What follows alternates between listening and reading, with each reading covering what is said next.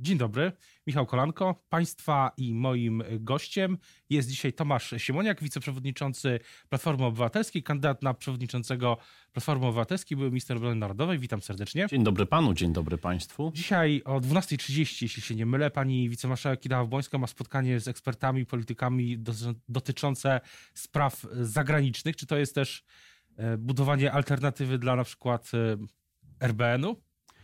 Dokładnie rzecz ujmując o 12 zajmuję się, pomagam pani marszałek w organizacji tego spotkania, w związku z tym e, wczoraj i dziś nie prowadzę swojej kampanii wewnętrznej. Tak jak zapowiedziałem, że jeśli pani marszałek o coś poprosi na swoje potrzeby, nie ma ważniejszej rzeczy niż jej kampania.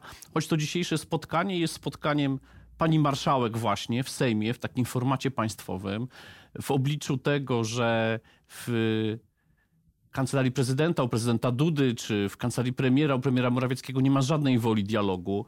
Mamy wręcz do czynienia z taką arogancją. Prezydent nie zwołał Rady Bezpieczeństwa, jak powiedział jeden z jego urzędników, bo nie potrzebuje żadnej rady. Marszałek Kidawa-Błońska chce pokazać, że rozmawia, zaprasza najwybitniejszych ekspertów, jacy są dostępni w Polsce, żeby porozmawiać o sytuacji na Bliskim Wschodzie, Rosji, tym, co się dzieje w Stanach Zjednoczonych. Myślę, że to jest y, bardzo ważny moment pokazujący, że trzeba mieć zaplecze do polityki zagranicznej, polityki bezpieczeństwa. Będą tam osoby, które powinny tak naprawdę doradzać i dzisiaj być yy, wokół rządu, czy wokół MSZ-u, czy wokół prezydenta. Natomiast PiS pozbył się fachowców i dzisiaj y, widać, jak słabo mamy dyplomację, jak słabo mamy politykę zagraniczną y, i wydarzenia na Bliskim Wschodzie. Lista rozmówców sekretarza stanu już urosła do kilkudziesięciu, nie ma na niej polskich polityków.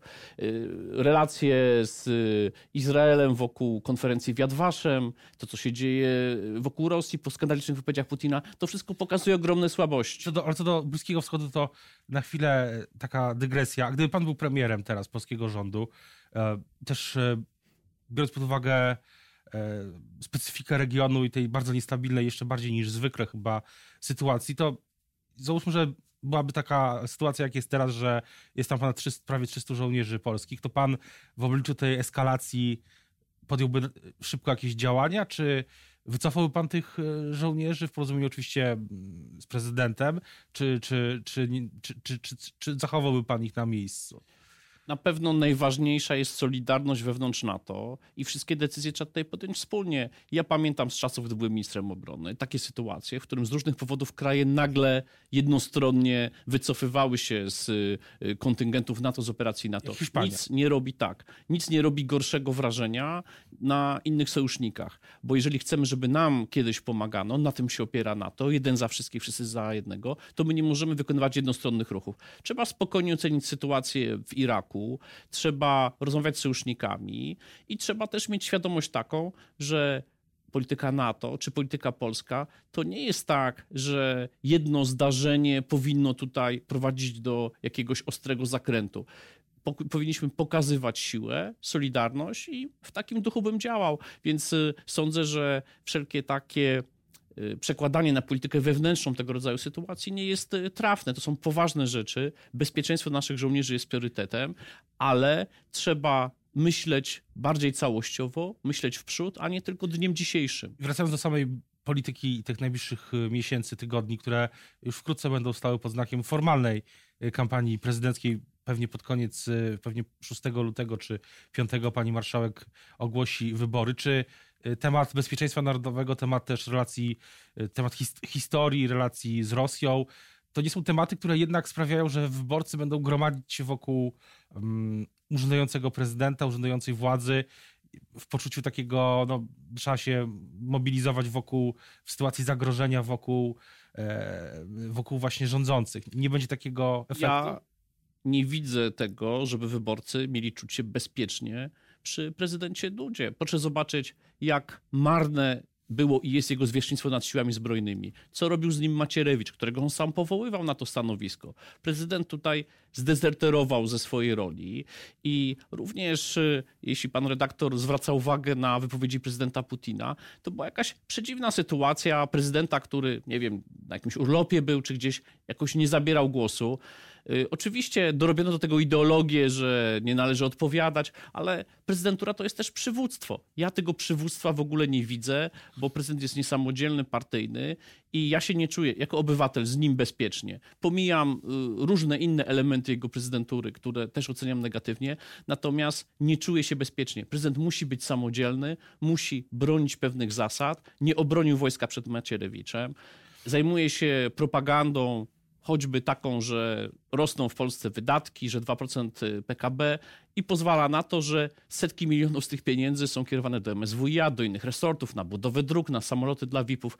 Jest y, w bardzo dużym stopniu uwikłany w politykę PiS i nie potrafi się z niej wyzwolić. I ta sytuacja ostatnich tygodni dokładnie to pokazała. Myśli pan, że pani marszałek e, Kidawa-Błońska pokaże w kampanii, że Polacy, tak jak pan powiedział, e, będą się czuli przy niej jako prezydencie bezpieczni? Absolutnie tak. Ja uważam, że jej samodzielność, e, jej pozycja też w polskiej polityce dzisiaj daje jej wszelkie podstawy, że ludzie będą wiedzieli, że ona potrafi zatroszczyć się o bezpieczeństwo, potrafi słuchać rad, potrafi rozmawiać z różnymi ludźmi, potrafi budować konsensus wokół spraw bezpieczeństwa. Bo co się dzieje z prezydentem Dudą? On nie rozmawia w ogóle z opozycją. Nie zwołał przez, to już jest aż tak wyświechtane, że aż szkoda mówić, Rady Bezpieczeństwa Narodowego przez 3,5 roku. Jak to jest możliwe, że wszyscy poprzednicy z różnych partii przecież mogli budować ten konsensus? I nie było kłótni w Polsce o wojsko, o politykę bezpieczeństwa, o misję, była zgoda tę zgodę prezydent Duda zburzył, bo nawet w takiej sytuacji, y, gdzie w moim przekonaniu takim politycznym zyskałby na tym, zapraszając liderów opozycji, pokazując, są momenty, w których siadamy wszyscy razem. Jak prezes Kaczyński w 2014 roku przyszedł na Radę Bezpieczeństwa Narodowego, przyszedł na spotkanie premiera pan na, Tuska. Pan na spotkanie z prezydentem przyszedłby, gdyby było takie zaproszenie. Tak, oczywiście. Znaczy ja jestem za rozmową i y, dziwię się bardzo, bo prezydent y, znaczy on dzisiaj jest w trudnej sytuacji, tak, potrzebuje pieniędzy z PiSu, poparcia z PiSu na kampanię, ale y, nie dawał żadnych y, y, znaków, nie wykonywał żadnych gestów pod adresem opozycji przez te wszystkie ale, lata. Ale było spotkanie, było to przemówienie w Sejmie, kiedy mówiło o tym, że trzeba wszystkim liderom opozycji podał, podał rękę, więc jakimś, jakiś,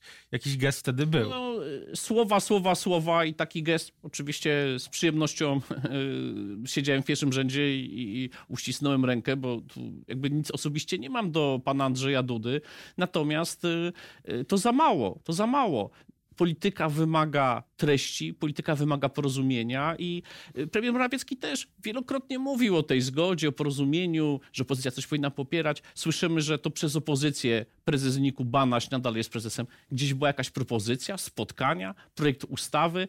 To jest puste wszystko, co mówią politycy PiSu i niestety to bardzo rujnuje debatę publiczną w Polsce. Wracając do samej kampanii pani marszałek, kiedy poznamy jej kształt w tym sensie, że jeśli chodzi o nie, nie tylko o szefów, szefa sztabu, szefową sztabu, może e, doradców, ale też wiem, konwencja, czy to wszystko jest już projektowane, kiedy to się wydarzy? Ja widzę, że zespół ten sztabowy z panią e, marszałek Kidawą Błońską bardzo intensywnie pracuje. Tak się składa, że ja swoją kampanię prowadzę z bardzo pobliskiego e, biura pani posłanki Joanny Kluzi, która tutaj mi pomaga, więc żeby gdzieś usiąść i zatrzymać jestem. Ona ma wspólne biuro z panią marszałek. Światło świeci się do późna. Widzę wybitnych ekspertów, którzy tam przychodzą, wychodzą. Widzę rysowanie scenariuszy, więc y, y, kampania, jak pan redaktor mówił, będzie formalnie ogłoszona.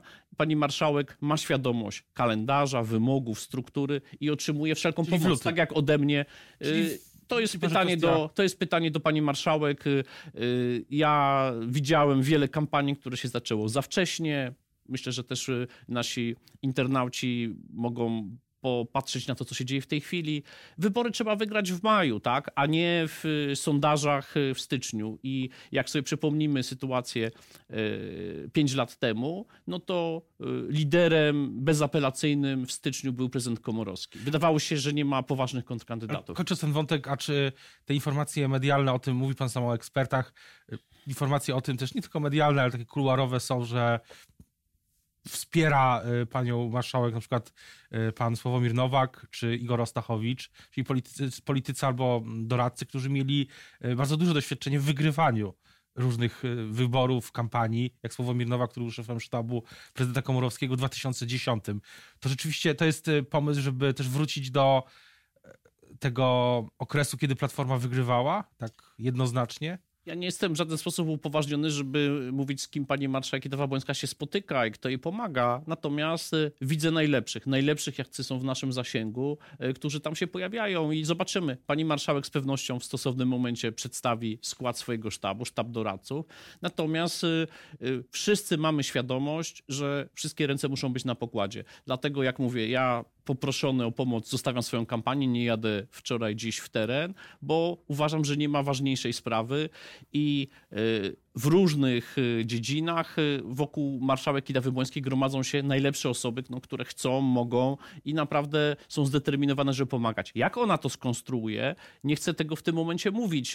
Raczej yy, to jest sprawa, którą sam kandydat zwykle ogłasza. Co do kampanii, kampania w Platformie pierwsza tura 25 stycznia, druga tura z tego, co pamiętam, 8 lutego, wtedy się już na pewno wyjaśni. I jak pan, jeśli pan zostanie szefem Platformy, jak pan tą Platformę później złoży ponownie w całość, bo teraz każdy, trwa kampania, politycy deklarują swoją afiliację, popierają pana, popierają pana Borysa Budkę, popierają pana Bogdana Zdrojewskiego, inne osoby. Jak pan później, jaki ma pan pomysł, żeby tą platformę właśnie scalić, jeśli e, będzie pan szefem?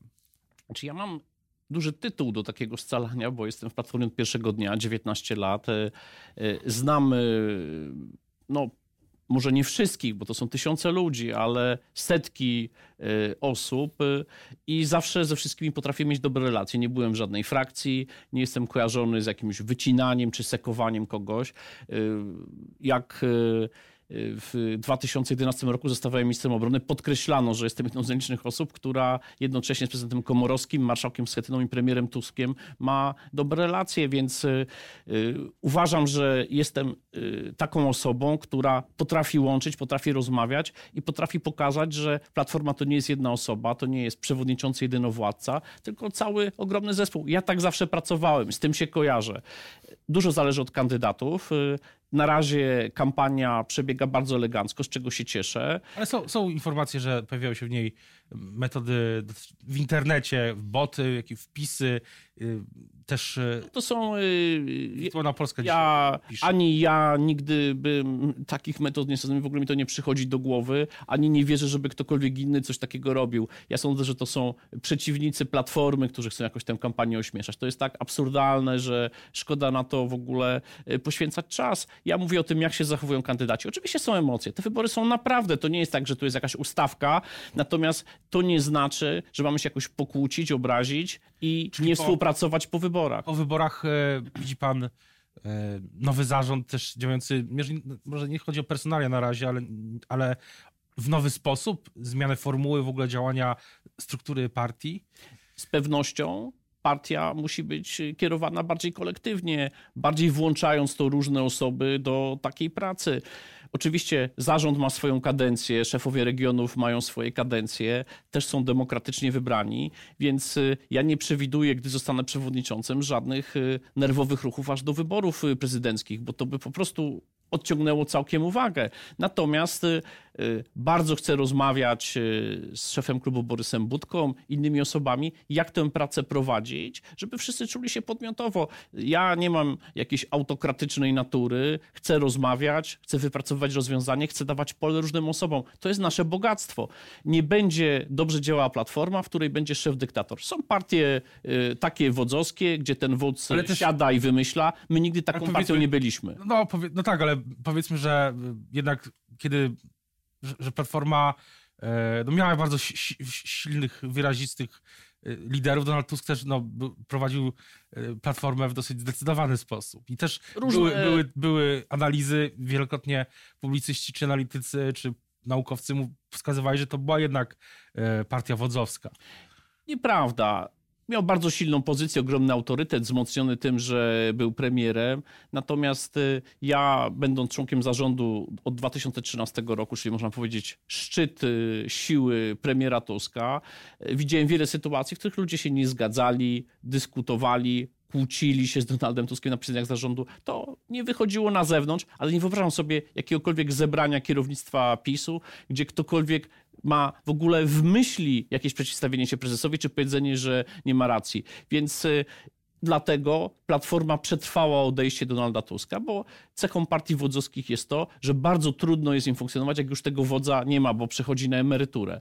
Y, my poradziliśmy sobie z sukcesją i poradzimy sobie także i tym razem, bo to jest za ważna rzecz. To jest 6 milionów wyborców, 19 lat historii i odpowiedzialność za Polskę. A co a widzi pan platformę, widzi pan apatię w platformie, jak pan jeździ po regionach, widzi pan apatię? Tak, takich, takiej apatii też mówią czasami publicyści, czy nawet y, y, no, są, są różnego rodzaju też relacje, czy opinie apatii wśród tych, z którymi się spotykam, nie widzę, bo y, przychodzą na spotkania ze mną, pewnie też z innymi kandydatami, jak widzę ze zdjęć, i z ogromną determinacją wyrażają swoje poglądy krytyczne, pozytywne, interesują się tym, co się dzieje. Więc y, jeśli komuś nie jest wszystko jedno, to znaczy, że jest dobrze. I ta kampania y, naprawdę ma dobry wpływ na platformę. I ja w tej kampanii jeżdżąc, miałem taki tour czterodniowy bez przerwy podróży. Zaczynam zawsze od kampanii Kidawy Błońskiej i uważam, że ta kampania wewnętrzna dobrze prowadzona mobilizuje ludzi, bo przede wszystkim rozmawiamy o prezydenturze. Na koniec y, pytania o sobotnią debatę w Krakowie. Będzie pan na debacie tak, kandydatów? Tak, tak. Myśli pan, że też będzie mowa o kampanii nie tylko wewnętrznej, ale o y, kampanii Kidawy Błońskiej? Będę rozmawiał o tym, o czym gospodarze debaty będą sobie życzyli, natomiast z pewnością y, każdy z nas y, będzie chciał mocno podkreślić to, jak ważna jest kampania Kidawy i że y, i jako kandydat, i jako przewodniczący zrobi wszystko, żeby Kidawa Błońska wygrała. Nie mam co tego wątpliwości. O kampanii pani marszałek, ale też o kampanii prezydenckiej innych kandydatów cały czas będziemy informować. W sobotę też prawybory Konfederacji zakończą się w niedzielę konwencja Lewicy. O tym wszystkim będziemy informować. Teraz bardzo już dziękuję za uwagę Państwa i moim gościem dzisiaj był Tomasz Siemoniak, wiceszef Platformy i kandydat na przewodniczącego Platformy Obywatelskiej. Dziękuję bardzo.